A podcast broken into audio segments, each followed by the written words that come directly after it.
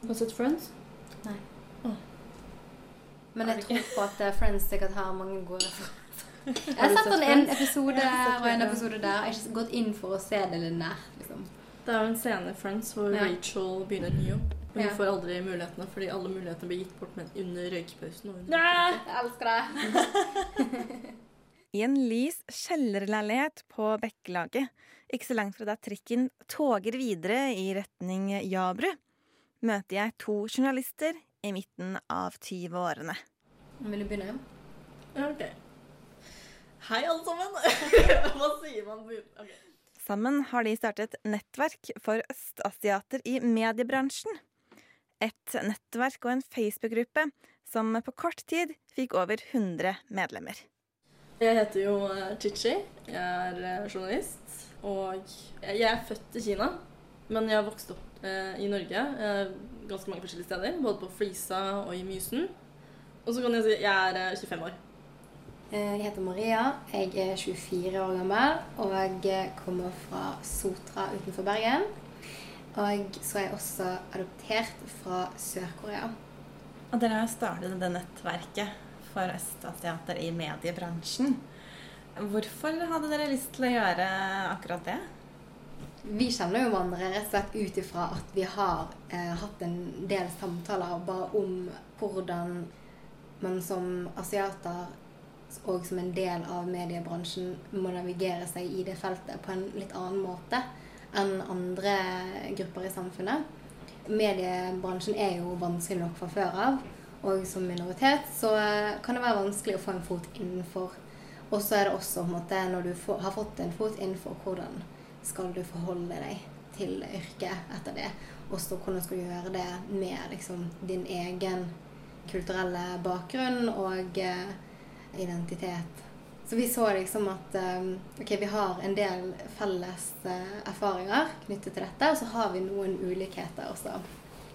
uh, som vi har lyst til å utforske mer. Og så så vi at det er jo ikke bare det at ok, vi har disse felles erfaringene, og vi har funnet hverandre og kan snakke om det med hverandre, men det er veldig mange andre som har lignende erfaringer, og som sikkert ønsker å ha en plattform for å dele det. Og så tror jeg liksom litt av grunnen til at jeg og Maria starta det, var fordi vi jo Vi kjente jo hverandre egentlig ikke fra før av, men vi eh, så hverandre eh, på en måte Vi så barlinen til hverandre, vi så at det var et navn, og du skrev saker som jeg syntes var veldig bra, som dekket et perspektiv jeg savnet i, i eh, Medie-Norge. Og det samme gjorde kanskje jeg. Så vi har jo vi har veldig mange ganger liksom skrevet til hverandre Hei, å, jeg likte så godt saken din, fordi jeg syns du dekker noe her som jeg har savna, da. Så har, vi har jo også starta gruppa litt for å på en måte heie hverandre, og forhåpentligvis også inspirere andre minoritetsbarn til å uh, velge det faget her, da, og bli journalist. Fordi det er jo ikke så mange som velger å bli det. Og det er jo en grunn til at det finnes f.eks. minoritetskvote på uh, Oslo OsloMet. Men også på en måte inspirere hverandre til å skrive mer om det. eh, og, og dele saker slik at kanskje noen der ute som har savnet et perspektiv, også oppdager det. For det er jo ikke bare journalister som er med i gruppa. Det er jo også um, Folk som har tilknytning til mediebransjen på andre ja, måter. kultur. En del kulturliv. eh, kulturarbeidere og kunstnere Mm. som også må forholde seg til veldig mange av de samme institusjonene. eh, og eh, som støter på en del av de samme problemene. Og så kan man dele erfaringer og eh, stille spørsmål og fortelle om ting som man nettopp har oppdaget. Ja da. Multiformål. Mm, og folk har jo brukt det også veldig sammen sånn forskjellig. Ja, ja. Vi skal snakke litt om dette med representasjon og mangfold i, altså, i hva mediene dekker, og hvem de snakker med. Hva tenker dere er liksom årsakene til at det er flere minoritetsgrupper som omtrent ikke blir omtalt, og som nesten aldri får komme til orde i norske nyhetsmedier? For det første så er det jo Det er noen store minoritetsgrupper som er veldig synlige fordi de har vært i landet lenger enn de andre. Det kommer også an på hva slags kultur du kommer fra. Fordi Hvis jeg får snakke for den kulturen jeg kommer fra, så er vi jo litt mer eh, innadvendte. Vi tar ikke så mye oppmerksomhet i hverdagen eller i mediene eller i avisa. Så kan det også komme av at ulike grupper minoriteter har forskjellige forhold til mediene. Eh, Noen eh, ser på journalister som venner og tenker at de her er bra for samfunnet og de skal ha den makta de har, alt det der. Mens noen ser på journalister som en trussel, eller som noe man bør holde seg unna. Eh, så det er jo mange grunner til hvorfor, men jeg tror også det er fordi vi glemmer litt, vi som altså vi, Nå snakker jeg som vi som vi nordmenn, da. Vi glemmer litt at, at det fins andre grupper der ute som ikke på en måte er så synlige, så visuelle minoriteter. da. Og jeg tror at mange kanskje forbinder uh, asiatere at de er adopterte, og så tenker de at ja, men de er jo norske. Men adopterte opplever jo også en god del problemer som ikke den hingsemannen eller den etniske nordmannen, både utseende og ja, kulturell bakgrunn. Det, jeg tror det er få som tenker at eh, å, la oss spørre en, eh, en med minoritetsbakgrunn som er adoptert. Det er for å få det perspektivet. Man tenker gjerne ikke på det som et perspektiv engang. Man tenker på det som to separate perspektiver. Som én i lys av at du er minoritet, og en annen i lys av at du er eh, adoptert. Men det er liksom to eh, ting som går på tvers av hverandre. Så det er et perspektiv som jeg eh, syns er viktig å få fram. da. Og så tenker jeg at det som du nevnte eh, med at eh, noen minoritetsgrupper er mer synligere enn andre, er jo også et resultat av eh, kvoteringer.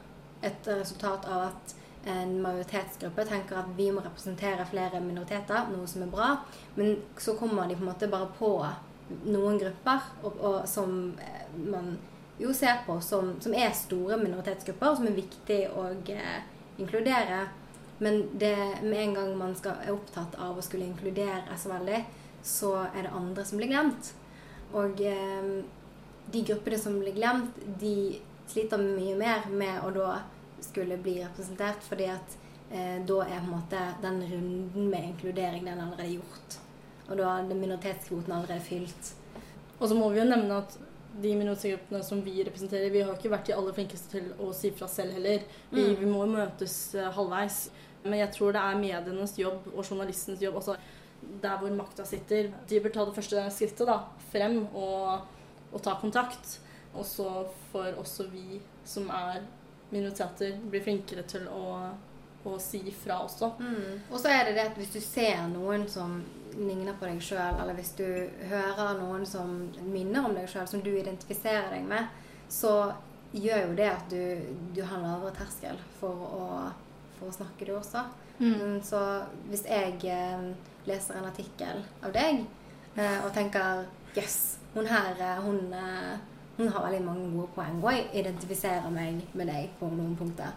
Da vil jo det gjøre at neste gang jeg har noe på hjertet, som eh, jeg kanskje hadde hatt høy terskel for å snakke om før. For hvem andre enn meg sjøl har lyst til å snakke om dette. Kan man, man, kan ofte føle seg litt aleine om det. Mm. Og så ser jeg at å nei, det er faktisk flere som tenker på de samme tingene. Og da eh, er det kanskje flere som er interessert i å høre hva jeg har å si om dette. Mm. Det tror jeg gjør det lettere også. At eh, representasjon skaper representasjon. Også det å bare se noen som ser ut som deg, og bare det kan være den minste ting. Det kan bare være Oi, hun hadde litt sånn samme øyeform som jeg har, og hun er fra Kina. Også, det, er liksom, det er så små ting, da. Men det er så mm. viktig, og spesielt for de som er den yngre. Altså, de yngre er veldig viktig for deg. Fordi når man er voksen, så kan man liksom på en måte tenke seg frem osv. Men som barn så har man så sykt behov for å bare vite at man ikke er alene, da. Jeg har jo skrevet en del tekster om det å faktisk være minoritet. Og de mailene som kommer inn til meg etterpå, etter de sakene har vært på trykk. Folk er rørt. ikke sant? Folk er glad. Folk er sånn Wow, jeg trodde aldri at uh, mitt syn skulle bli representert. Og da snakker jeg ikke om harde ting. Jeg snakker ikke om politisk syn. Jeg snakker ikke om og jeg stemmer også det partiet, eller og jeg heier også på det og det. Det, handler bare om en erfaring, da. Og bare en, å kjenne seg igjen at man ikke er alene. Folk er veldig takknemlige, og de, de sier sånn Jeg har aldri sendt en mail til en journalist før etter en lesesak, og jeg følte at jeg måtte gjøre det. Og takk for at du skrev om det her. Det er da jeg egentlig som journalist da, føler at jeg har gjort jobben min.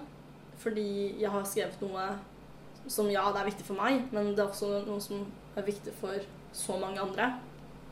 Det er kanskje få sammenlignet med liksom majoriteten, men for de så betyr det alt, ikke sant?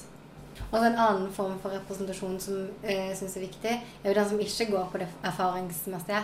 Den som bare går på at um, å naturalisere mangfold. Naturalisere forskjellige typer kropper i forskjellige situasjoner. Som er at uh, man vis, viser ting som er ustereotypiske. Som normaliserer helt vanlige ting, men som ikke er normalisert i mediebildet. F.eks. Eh, hvordan man tenker rundt kilder. Hvem er det jeg intervjuer hvis jeg skal intervjue en typisk eh, leder? Hvem intervjuer jeg hvis jeg skal intervjue en typisk eh, småbarnforelder? De kan se veldig veldig forskjellige ut. De kan ha veldig mange forskjellige bakgrunner. Men hvem er typisk å velge til bestemte saker? Så det jeg har prøvd å gjøre, det er å være veldig bevisst på, på kildevalget.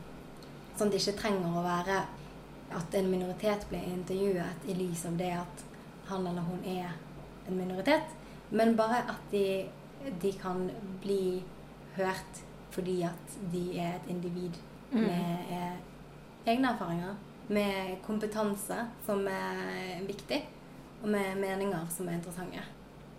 For det er jo litt sånn at eh, hvis man skal ah, knytte dette til vår bakgrunn, da, så er jo det at de gangene en asiater blir representert, så er det jo megastereotypisk. Det er jo bare stereotyp-bonanza. Det er lett å tenke å, det her er en artikkelsak hvor du henter en kilde, bla, bla, men husk at journalistikk og medier er også film. Det er også alt fra tegneserier til liksom dokumentarer til podkast. Så de gangene vår type bakgrunn syns, er f.eks. som en bikarakter i en eller annen TV-serie hvor du er liksom den smarte, skoleflinke, nerdete jenta fra mm. Kina, liksom. Eller en prostituert. Ja. Som er bikarakter i liksom eh, en actionfilm. Det, ja. Man kan velge mellom de to. og jeg husker at når jeg um, var yngre og så på TV med mine venninner, så var jo det sånn at man ofte pekte på den man hadde lyst til å være. Man pekte på den man hadde lyst til å være, den man identifiserte seg med. Og så når, i, liksom, i, løpet av filmen eller TV-programmet så alt det den karakteren gjorde, det skulle liksom representere deg. Og hvis den gjorde noe kult, da var du kul. Hvis den gjorde noe teit, da var du teit. Eh, men eh, noen ganger så var jo det eh, litt som om jeg ikke kunne velge fordi at jeg ikke lignet nok på de karakterene. Og da var det sånn at, eh, min, at den liksom at, at, noen kunne liksom si sånn Å ja, men, men, du kan jo ikke være noen av disse. Fordi alle disse her er jo blonde. Du kan, du kan ikke være noen av disse. Så ja, du kan være, du kan være hunden, du. Eller du kan være, du kan være moren, eller noe sånt. Hunden? Ja, i, en, i en film eller så, det var sånn, Hunden var mer nærliggende da, enn de blonde hovedpersonene. Det kunne være, det kunne være hunden, da. Eller, eller, faren, eller jeg vet ikke. Alt annet enn liksom Powerpuff Girls, da. Eller liksom Hvem var du i Powerpuff uh, Power, Powerpuff Girls? Eh, hun hadde jo svart hår, da, så jeg kunne være hun. Men, ja. uh, men, men du, det var ikke alltid det var noen. Jeg fikk ikke lov å være noe andre. Nei, nettopp. Jeg kunne ikke si jeg har lyst til å være boble, liksom. Nei. Eller blomst. Nettopp. nettopp. Så, men, men eh, når vi så Mulan, da sa kusinen min å ja, der er jo deg. Så, men måtte jeg være Mulan, da? Kanskje da tenker jeg sånn Da, da kan jeg være Mushu. Altså, da vil du være Gi, gi meg valget. ja, men sånn var det med meg òg. Fordi jeg vokste opp med Witch tegneserien ja. Witch. Og da måtte jeg alltid måtte være Hylin. Fordi ikke bare at Hylin var kinetisk, men hun bodde over en restaurant. Og det gjorde jeg òg. og jeg måtte også hjelpe til å sortere pinner. Og det måtte Men jeg ville jo være Irma, ikke sant? Hun var ja. kul. Men sånn, det, det, den TV-serien der jeg liksom identifiserer meg mest med en karakter, det er jo i en TV-serie der nesten alle hovedrollene er dyr. Men hun her, hun er ikke et dyr, da. Det er Bojack Horseman. Det er hun eh, journalisten. Men hun er jo Asian. Ja, hun er Asian. Og så det er liksom det, det, er den beste representasjonen. Det er mest, den beste representasjonen jeg har sett, da. Det er hun. Men det er i en TV-serie der alle er tegnet, og alle er dyr. Så. Helt ærlig, jeg syns den beste presentasjonen er London Tipton i Ja. Fordi Jeg hun er er så er liksom anti-stereotypi. Og det er liksom eh, Hadde dette vært eh, Hadde hun vært en eh, hvit kvinne, eh, så hadde jo det kunne vært eh, en dårlig representasjon av kvinner. Mm. Fordi at hun er så feminin, og hun blir fremstilt som veldig overemosjonell og, Og dum og, og dum, rett og slett. ja, og men, men for en eh, for, for en Asian så er det så fantastisk, for det er så Ja, det river i alle stereotypiene, ikke sant? Og Mm. for en gangs skyld så er det hun blonde som er smart, altså Ashley Teasday, så spiller hun Maddie, eller Madeline, jeg vet Mm. ikke. Hun er jo smart, mens Og så er det Brenda Song som eh, liksom Ja, som er dum. være hun. Det handler jo selvfølgelig om likestilling, men også om frigjøring, tror jeg er litt mer sånn Hvis man skal se litt mer radikalt på det. Du hører på et eh, eget rom. Radio Novas feministiske program. Dere som har jobbet litt eh, i mediebransjen, opplever dere at det er litt sånn at det er deres ansvar å på en måte utdanne eller gi innspill om dette med stereotypier og mangfold og representasjon til deres kollegaer? Vi vil ikke, men vi må. Dere må. Eller det er i hvert fall sånn jeg føler det. Men samtidig så vil ikke de høre på det, fordi at jeg er ikke den rette type minoriteten. Å nei. Sant? Så det er ingen som tenker at å, hun har et interessant perspektiv eh, som går på det å være minoritet. Ikke på det, fordi at jeg er adoptert, men fordi at jeg er ikke utlending nok. Hvordan er du ikke utlending nok? Jeg har fått, hørt mange ganger at ja, men du er ikke eh, melaninrik, så du har ikke noe du skulle sagt. Oi, Og da, da blir jo man eh, silenced. så rart. Det er også en konsekvens av at man gir rom for noen typer minoriteter, men ikke alle. Og det ødelegger jo for, eh, for meningsmangfold, for inkludering, for eh, demokrati. Det er utrolig problematisk. Mm. At man, Men- når man skal gi plass, så gir man, så gir man det midlertidig, og man gir det på veldig mange premisser. Men de som sier det til deg, de er jo hvite norske Nei. Absolutt ikke. Men, ok. Dette er, dette er folk med minoritetsbakgrunn av alle minoriteter. Ja. Eh, Dette er etniske norske. Dette er folk i alle aldre. Har ikke du hørt det? Jeg har aldri fått høre at jeg ikke er utlending nok. Det har jeg ikke, faktisk. Men jeg kan føle det iblant pga. Liksom, ting jeg ser på TV, ikke Mm. presenterer meg. Og da tenker jeg Ja, OK. Enda en serie om uh, utlendinger og livet deres, men det er fortsatt bare den samme, Mm. samme utlendingen, på en måte. Det var snakk om eh, rasisme i forbindelse med korona. Mm. Og eh, rasismen man kan bli utsatt for eh, med asiatisk bakgrunn eh, knyttet til eh, koronaviruset, og at eh, Trump kaller det for det kinesiske viruset. og man kan bli mistenkeliggjort på trikken og sånn, ikke sant.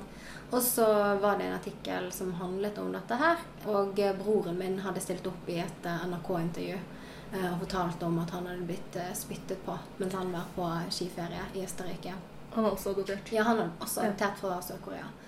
Og eh, da var det mange som hisset seg opp over at eh, asiatere skulle snakke om rasismen de eh, opplevde, fordi de var ikke mel- melaninrike. Og eh, de har ikke noe de skulle sagt. Ja, jeg tror absolutt på det. altså. Jeg tror det skjer. Så I stedet for å liksom stå sammen da, og, og stå eh, liksom som et lag mot det faktiske problemet, så på en måte setter de minoritetsgruppene opp mot hverandre. mm. Slik at det, det er jo ikke det faktiske problemet, ikke sant?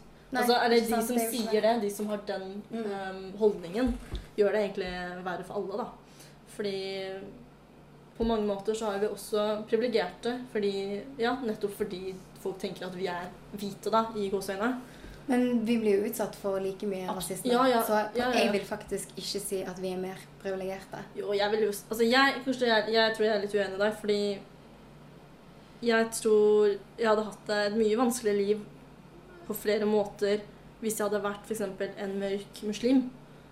Fordi vi, da er man mer synlig, og jeg tror eksempel, jeg har en kollega da, som er faktisk muslim og eh, mørk, og de mailene han får inn Han trenger ikke skrive en sak om om noe som er kontroversielt engang, men likevel så får han inn så mye hate-mail bare fordi han har det navnet han har. Bare fordi han er mørk og heter et muslimsk eller islamsk, altså et muslimsk navn. da. Men når han gjør det, så blir han trodd. Og når, eh, når, hvis han hadde hatt en annen bakgrunn enn den, så er det ikke sikkert at han hadde blitt trodd på samme måten. Noen grupper som eh, Ja. blir eh, lyttet til mer enn andre. Mm. Ja, nei, jeg, jeg skal ikke jeg, jeg forstår frustrasjonen din, absolutt. Men det er bare at eh, jeg ser også noen goder da, eh, ved det. Og det er egentlig ikke en gode, fordi det er liksom Det er ting som på en måte e- egentlig ikke burde vært en gode, eller ikke, eller ikke en gode. Det burde bare ikke eksistert. Men fordi det er et hierarki, så har det bare blitt sånn. Og det er ikke noe noen av minoritetene har valgt. Sant? Ja, jeg opplever på ingen måte at jeg blir utsatt for mindre rasisme. Eh, fordi at jeg eh, Nei, har- ja, nei, nei, ikke mindre. Lenger. Men det jeg, opplever, det jeg opplever, er at jeg blir lyttet til mindre. At jeg Ja. blir trodd mindre. Ja. Eh, Jeg eh, hadde en samtale med en kamerat av meg som har afrikansk bakgrunn, om rasisme. Og han trodde ikke på at eh, jeg ble ropt på på gaten, Mm. eller fulgt etter på gaten, eh, eller trakassert i lys av min etnisitet. Mm. Og han ble egentlig fornærmet fordi at, at jeg begynte å snakke om at rasisme, eh, det skjer også mot asiatere. Mm. Eh, og så gikk vi nedover gaten på Grønland rett etterpå. Mm. Og da var det en gjeng med gutter som hadde minoritetsbakgrunn. Noe som vi bare sier for å si at det er ikke sånn at du må være hvit for å være rasistisk. Eller de er sikkert ikke rasistiske, da. Men det de gjorde, var at de ropte Ja, ja, ja. eh, Det har jeg opplevd også. De ropte liksom Ja. ching chong etter meg, da. Og jeg opplevde å bli fulgt etter, jeg opplevde å bli eh, tatt på, jeg opplevde å bli spyttet på, jeg opplevde å bli slått. Og, for, og så skal de liksom kalle meg ching chong i tillegg. Mm. Eh, og når du forteller disse tingene, og du ikke blir trodd, det skaper en så mye liksom, større frustrasjon enn om folk hadde lyttet til deg og eh, forstått at ok, dette her er faktisk et reelt problem, og eh, vi tror deg. Så, eh, og han fikk helt sjokk. Han trodde jo ikke på meg. Men når han bevitnet det bare sånn en time etter, så var jo det liksom en eye-opener Mm. for han. Mm. Men eh, det er derfor mediene har en så viktig jobb, da, å, å skrive om det også. Om at eh, ja, under korona så har på en måte Asians opplevd mye rasisme. Bare pga. at vi ser sånn ut, på en måte. Men jeg vil også legge til, da, eh, bare for å nyansere bildet litt, er at dessverre så er det også slik at veldig mange asiatere, både kinesere og japanere og sikkert sørkoreanere Jeg kan ikke snakke for alle, men jeg vet veldig godt i min egen gruppe så har vi også et veldig um, hva skal jeg si, trangsynt på andre minoriteter. Så det her er noe som går igjen i alle gruppene. Det er rasisme hos alle grupper, ikke bare hvite, ikke bare mørke, ikke bare gule. Altså det er i alle. Og skal jeg være idealist, så, så sier jeg bare at liksom, Jeg må bare si at det, vi må alle jobbe med det, da. Det er ikke sånn at Det er rasisme i absolutt alle det er ikke sånn at å nei, eh, ikke, bli, ikke engang blir vi trodd, men vi opplever det også. Men ingen tror oss. Men vi utøver også det til andre, da. Men det, dette er liksom et argument som blir brukt da i eh, akkurat denne debatten. eh, Ja. Der folk sier at ja, men i Kina så eh, hater de mørkhudede. Det blir brukt som et argument for å liksom si at dere kan ikke snakke om deres erfaringer med rasisme. Så jeg er enig med deg i at dette det er jo noe som skjer i absolutt alle grupper. Men poenget er jo at det, er jo- det, her, det er ikke homogene grupper. Det er ikke sånn at er det en eh, etnisk norsk person som roper ching chong, så betyr det at eh, hele nabolaget er rasister. Det er jo på en måte det det går i. Det er ja, ikke ikke jeg sånn skjønner hva du mener. Du hører på et eget rom.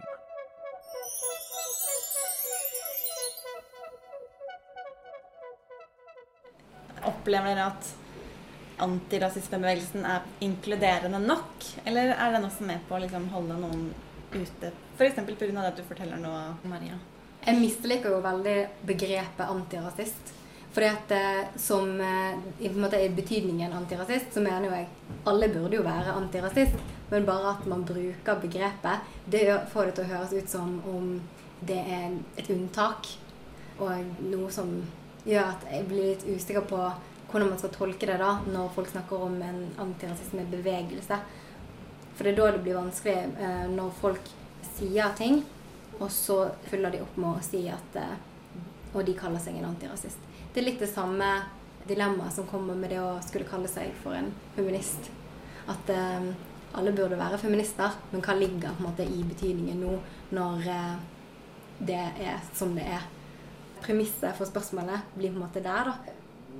Hvem er å forstå som antirasismebevegelsen? Er det Black Lives Matter? Er det liksom? Black Lives Matter, eller er det folk flest som eh, ønsker at eh, alle skal eh, ses og være likestilte? Altså, jeg, jeg, jeg mener at um, jeg ser i min sosiale medier-boble, da, så er jo uh, Asians veldig inkludert fordi jeg velger å, å liksom eh, følge folk som er opptatt av å vise alle, absolutt alle, og ikke bare Ja, ikke sant? Fordi, så, for, så når du sier antirasismebevegelsen, så tenker jeg ja, jeg føler meg inkludert fordi jeg ser det hele tiden. Men jeg tror eh, i Norge så tror jeg vi har litt å gå på, da. At vi kan inkludere enda flere. Og ikke bare liksom Øst-Asia, men også f.eks. Eh, Balkan, f.eks. Øst-Europa. Og ikke bare det, Mm. fordi det fins masse fordommer mot f.eks. polakker og sånt. Eh, og ikke bare det, men liksom Latin-Amerika, meksikanere. Men eh, nei, det er ikke alltid at de store, kommersielle, antirasistiske at organisasjonene er gode på det. Nei, Nei. jeg tror at man må, man må skape et rom sjøl først. For at det skal utvides. For at andre skal Har vi gjort det? Har vi skapt det rommet? Ja, kanskje det. Vi har iallfall prøvd. Men det, det er jo et uh, kulturelt ansvar som er vanskelig å ta hvis man ikke vet om at uh, det er et behov som ikke er helt fylt ennå. Så på sånne uh, antirasistiske markeringer og sånn, da det, hva, Hvilket innhold skal være i de? Hvem er det man gjør det for? Hvem er det skal, som skal være involvert? Hvem er det som er målgruppen? er jo på en måte sånne spørsmål som vi hele tiden er nødt til å stille oss sjøl. Og som jeg vet at man blir aldri ferdig med. Men det er på en måte hele poenget. Så om spørsmålet går på har man fortsatt på en, måte, en, eh, et, et stykke arbeid å gjøre i antirasismens navn i, i Norge? Ja. Og det, det kommer man nok alltid til å ha, på samme måte som man alltid vil ha eh, ting å jobbe med når det kommer til likestilling generelt. Eh, litt konkret eksempel da, som jeg har lagt merke til hvor kanskje eh, majoriteten svikta litt. Hvert fall den antirasistiske majoriteten. hvis jeg lov å... Jeg vet ikke om det blir helt riktig, men poenget er i hvert fall at da det var årsmarkering for eh, Johanna, som ble myrdet av broren sin, så var det jo Det var ikke akkurat et folkehav, for å si det sånn. Jeg vet ikke om det var pga. korona, men det var jo ikke så mange som møtte opp. Og det var jo helt klart en liten sånn beskjeden eh, snakkis blant de som faktisk var der, var at vi var så Ikke sjokkert, men kanskje litt skuffet over at det ikke var så mange som møtte opp og markerte den Var der og markerte det at hun faktisk ble drept begrunna rasisme av et familiemedlem. For det var jo ikke så lenge etter den store markeringen i juni. hvor det var... Ja, da var det jo masse. Da var jo folk vill- villige til å ofre alt for å være der. Og det kjempebra. Heier på liksom eh, Altså, jeg heier på engasjement. Jeg heier på at folk sier fra om ting de mener er galt. Men jeg syns det var skuffende å se at det var så få. Fordi Jeg vet ikke om det var fordi hun var adoptert. Jeg vet ikke om det var fordi hun var kinesisk. Men det var i hvert fall ikke så mange mennesker der. Og det var i hvert fall ingen poli altså store politikere som var der og I Johanne sitt tilfelle så tror jeg at det manglende engasjementet kanskje handlet om at folk ikke visste hva som var Hva de ville stilt opp for. Stiller vi opp eh, for eh, antirasisme? Stiller vi opp for mot eh, høyreekstremisme? Stiller vi opp i, solidaritet med adopterte? Er dette er det en eh, er det aktivisme mot utenlandsadopsjon? Er det kvinnekamp? Er det en, en, en sorg? Er det en markering etter Vi glemmer jo mennesker, da. et resultat av at liksom, noen eh, har blitt drept? Og det, kan vinkles og ses i lys av så mange ting. Og man ser ikke hun som en utenlandsadoptert som også er kinesisk, eh, men som blir drept av sin bror, som er høyreekstrem. For det er alle de aspektene, og det gjør at det blir vanskelig både for folk flest, men også mediene å vite hvordan skal vi vinkle dette, hvordan skal vi se på dette. Men veldig mange andre saker så er det så mye lettere å se på det som én ting.